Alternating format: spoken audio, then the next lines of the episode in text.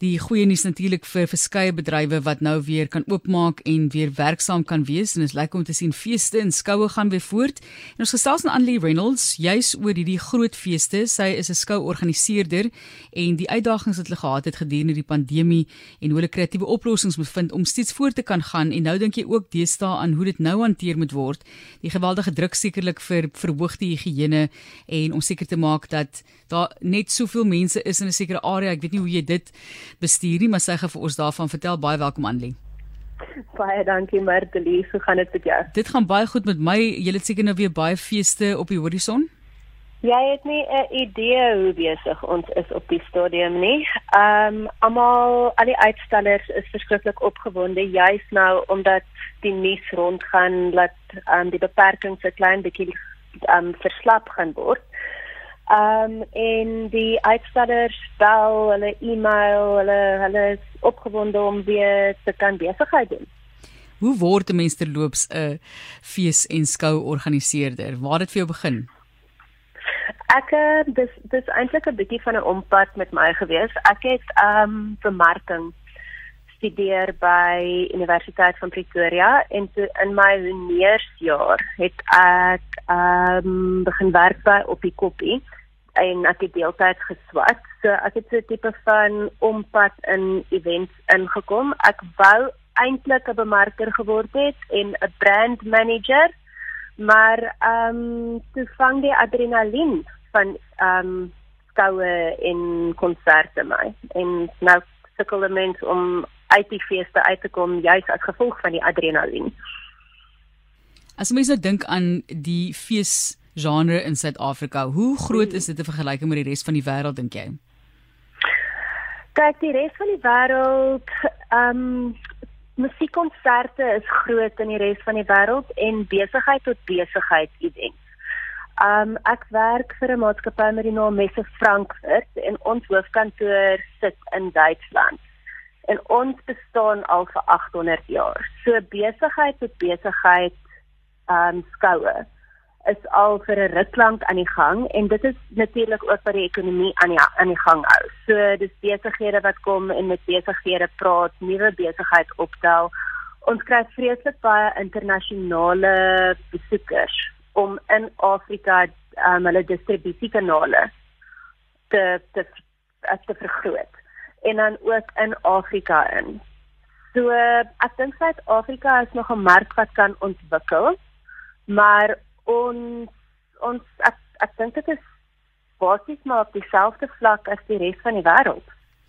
Kom ons gesels nou oor die pro proses wat julle deur is byvoorbeeld met die pandemie. Ek meen julle moes toe nou ja. kyk en ek het 'n paar uh, dinge dopgehou ook aanlyn wat ek deel van van was en dit was maar tegnies groot uitdagings gewees vir die mense wat die reëlings getref het of die opvangs is nie reg nie of daar's iewers een of ander tegniese fout in terme van die klank. Daar was maar groot uitdagings vir hulle gewees om byvoorbeeld feeste aanlyn te neem.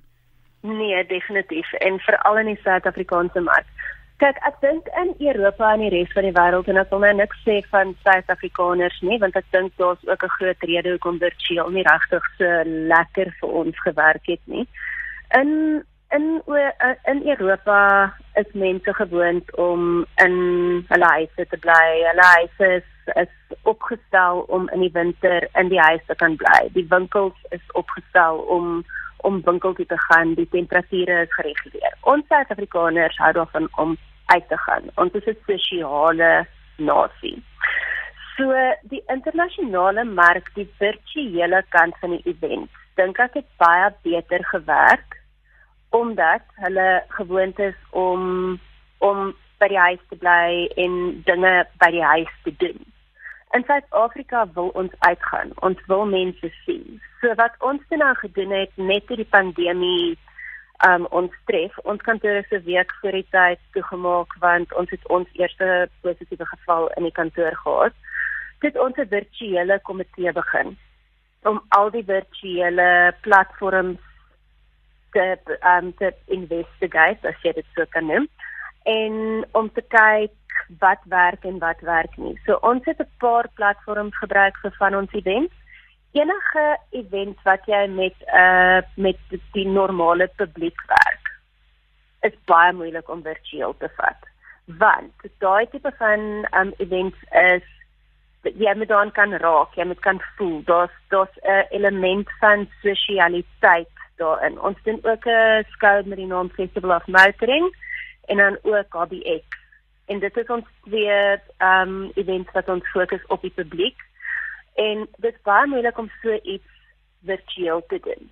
Maar ons besigheid het besigheid events was makliker want mense kan nog steeds besigheid oor die internet doen. En dit is waar waar ons gelukkig was want 'n groot deel van ons ons ehm um, ons besigheidsportefeulje is besigheid tot besigheid skoue.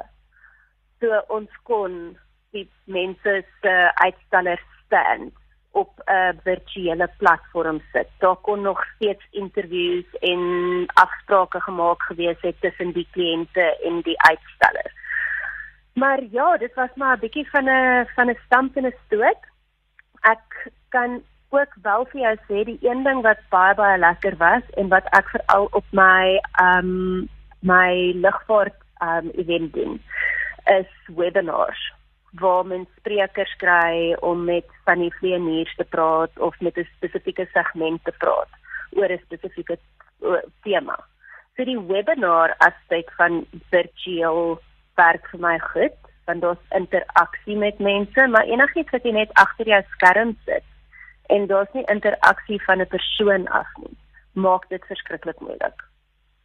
Vertel vir ons hoe lyk feeste vorentoe? Ons weet byvoorbeeld die KAKNK is weer op 3 of so bly om dit te hoor. Jy. Hoe hoe gaan dit lyk? Wel, die president praat mos nou môre aand. So ons ehm um, ek is ek is positief dat hy gaan sê ons mag weer events doen of dit van ek glo op die stadium. By ons events is iets by HBX. Ons doen dit by Kailami se konferensiesentrum en op hierdie stadium kan ons 50% kapasiteit van die twee sale doen. So heidaglik hoe ons ons ons events beplan is ons gaan elke maand na die felicite ons kry 'n nuwe rating vir ons of vir, vir die event om te kyk hoeveel mense ons mag toelaat en dan daarvolgens reël ons al ons dinge. So dit is basies soos wat die Engelse altyd sê dis 'n moving target. So mens weet op hierdie stadium is dit baie moeilik om te sê ons gaan 8000 mense of 12000 mense of 50000 mense deur die deure gaan sit. Maar soos wat dinge nou staan vir 'n event soos Hobby X kan ons voortgaan met die hoeveelheid um, besoekers wat ons kan hê. Daar sal nog steeds maskers wees. Ons sal seker maak dat daar genoeg sanitasiestasies is, mense se se um koers sal geneem word daai tipiese vraelyste wat jy moet invul as jy by 'n dokter inloop of by 'n groot kantoor inloop. So daai tipe van maatreëls sal geld. En dan die ander ding wat belangrik gaan wees is die kaartjieverkope. Ons kaartjieverkope gaan um op die internet beskikbaar wees sodat ons vir mense kan sê daar is net soveel kaartjies beskikbaar en as jy nie koop nie dan gaan jy nie kan bywoon nie. Maar ek moet sê die die terugvoer wat ons kry van besoekers af op op die stadium op e-pos en op telefoonoproepe is almal wil weer uitgaan. En ek het ook gehoor daar was 'n daar was 'n skou gewees nou vir twee naweke terug by ook in Johannesburg en hy was vol. Hulle het op stadiums mense gevra as hulle klaar um deurgeloop het en hulle sit nou maar net in die in die kosarea of hulle asseblief kan uitgaan sodat nog mense kan inkom. So daar's 'n definitiewe behoefte aan skoue op die stadium. Baie dankie, baie sterkte vir dit wat voorlê. Harde werk en 'n hele nuwe benadering wat uh, mens gaan nodig hê vir julle bedryf en ons sien uit daarna om weer skoue by te woon en feeste by te woon. So 'n heerlike gedagte. Ons waardeer dit. En, en jy moet jy moet daar by X toe kom. Ja nee, ek het ek het een waar waar ek werk. Ek weet ek weet van dit elke jaar is 'n fantastiese geleentheid om te gaan kyk. Wat wat se wat se hobby of stokperdjie sien jy die meeste na uit daarso? Ja, vlak. Um kyk, dis my eerste jaar wat ons die fees doen want ons het die fees gekoop net so toe Covid begin het.